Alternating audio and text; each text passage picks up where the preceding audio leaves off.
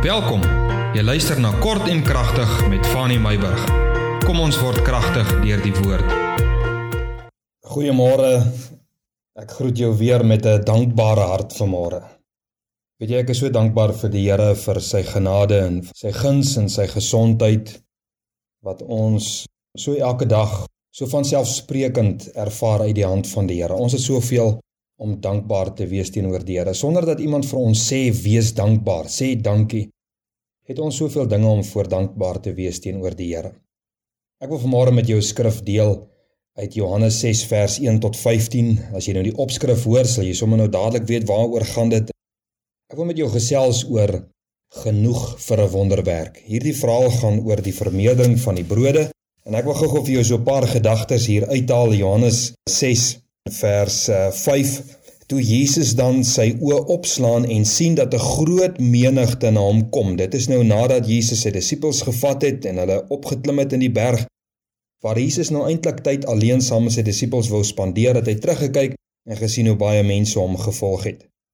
En toe Jesus dan sy oë opslaan en sien dat 'n groot menigte na hom kom, toe sê hy vir Filippus: "Filippus, waarvandaan sal ons nou brood koop sodat hierdie mense kan eet?" Vers 6 Maar Jesus het dit gesê om vir Filippus op die proef te stel. Hy toets hom. Want hy het self geweet wat hy wou doen. Jesus het geweet wat se wonderwerk daar gaan gebeur, maar hy wou gehoor het wat is Filippus se gedagte en ook die disippels. Hoe sal hulle reageer op hierdie situasie? Filippus antwoord Jesus toe nou en hy sê: "Brood vir 200 pennings sal definitief nie genoeg wees vir hulle nie, sodat elkeen van hulle daarmee 'n stukkie kan kry nie."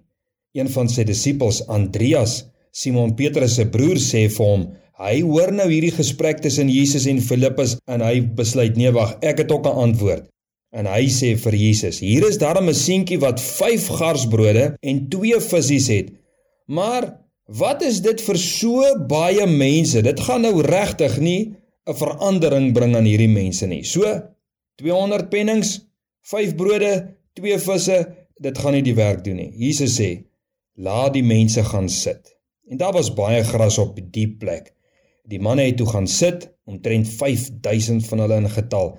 Jesus het die brode geneem. Nadat hy gedank het, deel hy dit uit aan die disippels, so ook van die visse en en van die broodjies het hy vir hulle almal dan uitgedeel.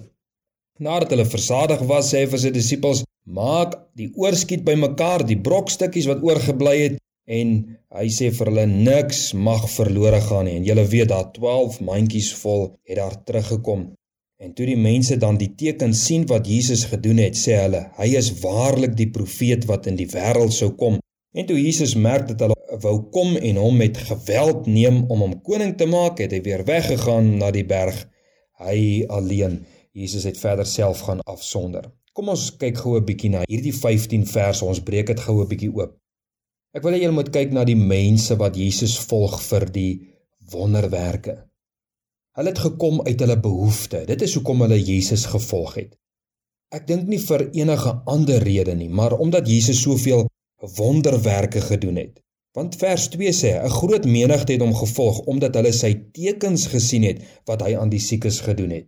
So die mense kom vir twee redes. Of hulle kom met hulle ellendes, hulle probleme, hulle krisisse, hulle siektes of hulle kom omdat hulle nuuskierig is. Weet jy wat, ek het al baie keer na kerke toe gegaan en na uh, byeenkomste toe gegaan, veral as hulle gesê het dis nou 'n genesingsdiens of dit is 'n ehm um, wat noem jy revival, wat noem jy dit nou Afrikaans? Dit is in elk geval 'n so diens of 'n bevrydingsdiens. Weet jy wat, ek moet keer absoluut niks. Ek wil net graag gaan want ek wil sien wat daar aangaan. Ou is so nuuskierig in jou hart oor wat gaan gebeur. Ek dink dis hoekom die mense Jesus gevolg het. Hulle het probleme gehad of hulle wou net graag nog gesien het. Maar die ander kant van die saak is, die behoefte is groot. Nou wil ek hê ons moet 'n bietjie kyk na Jesus se kompassie vir die mense. Jesus, ten spyte van die feit dat Jesus geweet het hierdie mense is nie daar regtig sekerlik om hom te volg nie en om disippels te word nie. Hulle het eintlik net gekom vir hierdie twee redes wat ek nou gesê het. Maar kyk tog na die kompassie wat Jesus vir die mense het, ten spyte van die feit dat hy geweet het. Jesus uit sy kompassie het die mense steeds bedien en gevoed. Jesus het hulle nie weggewys nie. Ek wil hê jy moet Jesus raak sien vandag. Ek wil hê jy moet sien hoe Jesus mense sien, hoe Jesus jou sien. Jesus ken tog die hart wat in jou klop. Hy weet mos hoekom jy hom volg. En ten spyte van dalk soos wat ons almal maar is. Jy dalk hier in jou hart so weggekruiptheid het om te sê, weet jy ek dien die Here tog ook vir die voordeel wat ek daaruit kan trek. Ten spyte van die feit dat die Here ou se hart ken, sê Jesus nie vir die mense gaan huis toe nie, soos wat sy disippels gedink het nie. Nee, Jesus sê, wat gaan ons maak om hierdie mense te voed? Want Jesus se hart is kompassievol vir die mense. Die derde gedagte: kyk hoe Jesus sy disippels toets en leer oor geloof en vertroue en gebed. Dis wat Jesus met sy disippels doen. En dit is een van die redes hoekom Jesus met sy disippels berg toe gegaan het. Ek dink om hulle 'n bietjie van al die wonderwerke en die tekens en die nuwe leringe, dit wat wat die disippels nog nie van weet nie, wat Jesus hulle wou inskerp. Jesus hanteer sy disippels anders, maar Jesus toets hulle geloof. Jesus toets hulle om te sien wat gaan hulle doen met so 'n krisis. Onthou Jesus gaan mos nou nie altyd by hulle wees nie. So wat gaan hulle doen rondom so 'n situasie as die mense hulle so sou volg soos wat hulle Jesus volg? So Jesus toets hulle want Jesus wil hulle leer. Jesus wil hulle iets leer oor geloof, oor om God te vertrou en oor gebed. Volgende gedagte. Kyk hoe verskillend hanteer Jesus sy disippels teenoor die wat hom opsoek en volg met hulle behoeftes. Vir die massas is Jesus 'n voorwerp en 'n oplossing tot hulle probleme en hulle krisisse, nie om hom te ken en om te volg en om hom te glo soos wat ons vroeër gesê het nie, maar vir die disippels was Jesus hulle leermeester. Jesus daag hulle uit om te dink tot 'n oplossing. Hulle was deel van die oplossing. Jesus wou gehad het hulle moes dit raak sien. Jesus betrek nie die skares vir die onderwysing nie, net sy disippels. Jesus belê anders in die wat hom volg as disippels as net die wat hom volg vir die wonderwerke en die voordele wat hulle uit Jesus kan kry. God verag lou Christene, draadsitters. God steek rokende lampitte aan die brand en warm Christene maak hy ambassadeurs. Dis die gedagte. Dis wat ek sien. Die volgende gedagte. Kyk wat het God nodig om 'n wonderwerk te doen? Want onthou, ons tema is genoeg vir 'n wonderwerk. Ek wil hê jy moet kyk wat God nodig gehad het om 'n wonderwerk te doen daardie dag. En jy sal dalk sê soos wat almal dalk sê as jy vir iemand sou vra, Wat het God nodig om 'n wonderwerk te doen? Dan dink ek sal een van die prominente antwoorde wees: niks. Die Here kan alles doen, soos wat die duiwel vir Jesus gesê het: "Here, U is so by magte, U is so almagtig, U gaan vir hierdie klippe sê word brode en dit sal gebeur." So iemand sal sê, weet jy wat, die Here het nie iets nodig om nog iets te maak nie. God het uit niks alles gemaak wat die mens tot sy beskikking het. So hoeveel te meer 'n brood, kos. God het nie iets nodig om iets te doen nie, sal 'n mens redeneer. En dit is tog die waarheid. Want die Here het nie altyd alles nodig om iets te doen nie, want God is tot alles in staat uit sy almag, alwetendheid, alsienendheid, alomteenwoordigheid. Maar Jesus doen die werk uit dit wat hulle het. God gebruik jou met ander woorde kind van die Here nie net as jy 'n bakkery besit nie, maar God gebruik beskikbaarheid eerder en nie bekwaamheid nie. Jesus bring sy disippels en hy vra vir hulle: "Wat gaan ons nou doen?" Jesus het geweet daar's 200 pennings.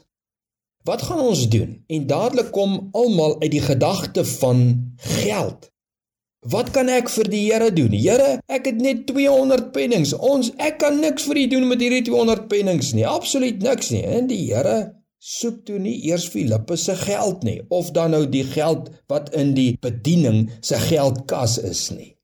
Nee, Jesus soek nie dit nie. Hy vra vir hulle, "Wat het julle nou nog?" sonder om te praat, nê? En hier kom Andreas en hy gooi ook wat, hoe sê hulle in, in die ou ou taal, hy gooi ook sy stywer in die armbeers. Hy sê, "Ons het daarom 5 brode en 2 visse, maar Here, U weet mos nou, hierdie is ook nie genoeg nie." Jesus wil net weet, "Wat het jy in jou hand?" Hy vra nie jou beskikbaarheid van middele nie. Hy vra jou bekwaamheid. Die Here vra ook nie die hoeveelheid van jou beskikbaarheid nie. Hy vra nie of jy 'n bakkery besit nie. Hy vra net of jy 'n brood het. Dis al wat die Here vra. En hulle kom vir 5000 plus mense kom hulle toe nou met 5 brode, 2 visse en die Here sê: "Genoeg vir 'n wonderwerk." My volgende gedagte: Wonderwerke is nie vir persoonlike gewin nie. Dit was nooit die gedagte van Jesus se wonderwerke in die Bybel nie. Die gedagte was nie persoonlike gewin om maar net jou leefstyl te handhaaf en jou leefstyl te verbeter ten spyte van 'n behoeftige wêreld nie. Maar as jy 'n disipel is, nê, dan vat die Here jou in 'n leerproses. Die Here leer jou, soos ons vroeër gesê het, van geloof, van vertroue. Die Here leer jou van wonderwerke, die leer leer jou van kompassie, simpatie, empatie. En die Here leer jou as disipel Hy wil deur jou werk, maar hy soek net dit wat jy beskikbaar het. Eenvoudig, nie baie nie, net wat jy beskikbaar het, want uit daai klein bietjie gaan die Here die groot wonderwerke doen. Jy weet Jesus leer hulle onder die volgende gedagte.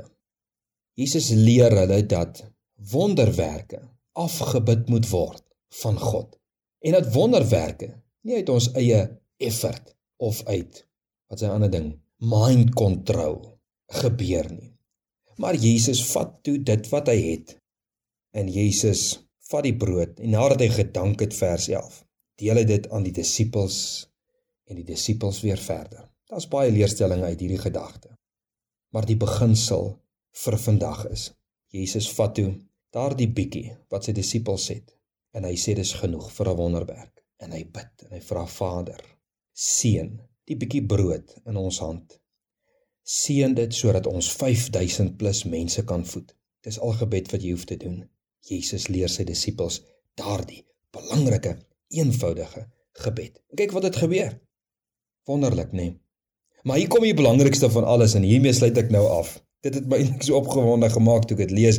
Vers 15 en toe Jesus merk dat hulle wou kom en hom met geweld neem om hom koning te maak het hy weer weggegaan na die berg hy alleen. Hulle wou hom koning maak want hier sien hulle hierdie geweldige geweldige geweldige groot wonderwerk.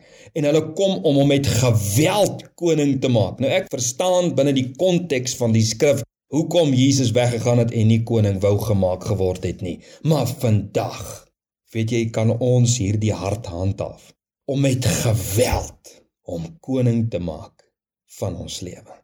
Ek daag jou uit. Versprei hierdie woord en daag ander uit. Daag jouself uit om te sê, Here, ek gaan alles in U stryd werp sodat U nommer 1 koning van my lewe sal wees, dat U op die troon van my hart sal wees met geweld. Kind van die Here, mag dit met jou goed gaan, mag die Here jou seën op hierdie lekker Woensdag tot ons môre verder gesels.